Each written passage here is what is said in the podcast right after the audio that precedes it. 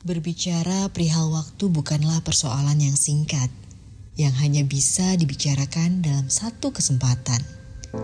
Terkadang membutuhkan tenaga untuk mengingat apa saja yang terjadi selama beberapa akhir pekan. Mencoba menerima waktu yang bahkan kehadiran kita belum dilahirkan dengan sebuah kepelikan. Namun, kita bisa mengambil dari sebagian waktu-waktu yang layak diingat, dikenang, dirasakan, dan diceritakan. Memang, kita hanya bisa mengira-ngira kapan dan di mana waktu yang layak untuk ditapakan. Meskipun sering kali kita jatuh ke dalam lubang dari sebuah ketidaktahuan, kehilafan, dan kebodohan. Waktu itu begitu kuat begitu luas, begitu cepat dan begitu dewasa dari semua anak manusia yang ada di dunia. Waktu akan selalu mengalir kuat tanpa ada satupun orang yang cukup menghentikan laju kereta yang tidak pernah berhenti bertenaga kekekalan. Kematian tidak bisa menghentikan waktu. Waktu akan tetap berjalan sebagaimana mestinya. Ketika dunia ini menghembuskan nafas terakhirnya, waktu akan berdiri gagah perkasa tanpa memandang bulu.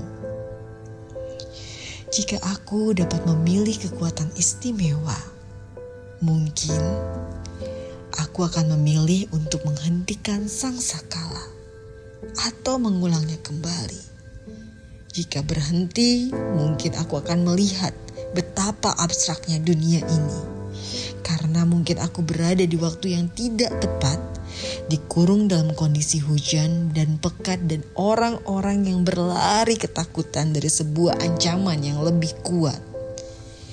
Jika aku dapat mengulang waktu, mungkin aku akan lebih banyak mendengarkan apa kata tulisan, memperbaiki komunikasi antar lisan, menghindari penyayat hati dari lisan dan mencoba untuk tidak melakukan kesalahan dan kegagalan. Namun Tuhan berlaku adil. Tentu aku tidak memiliki kekuatan impian itu.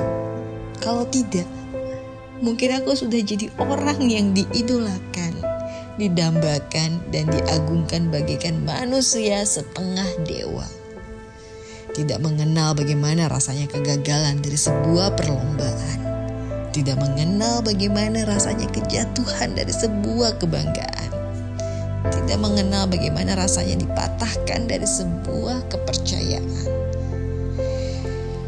Tentang waktu, kita tidak mengetahui kapan waktu itu dimulai dan kapan waktu itu akan berakhir dari sebuah waktu, dia akan mengikuti layaknya bayangan, dan senjata untuk melawan hanyalah kesabaran.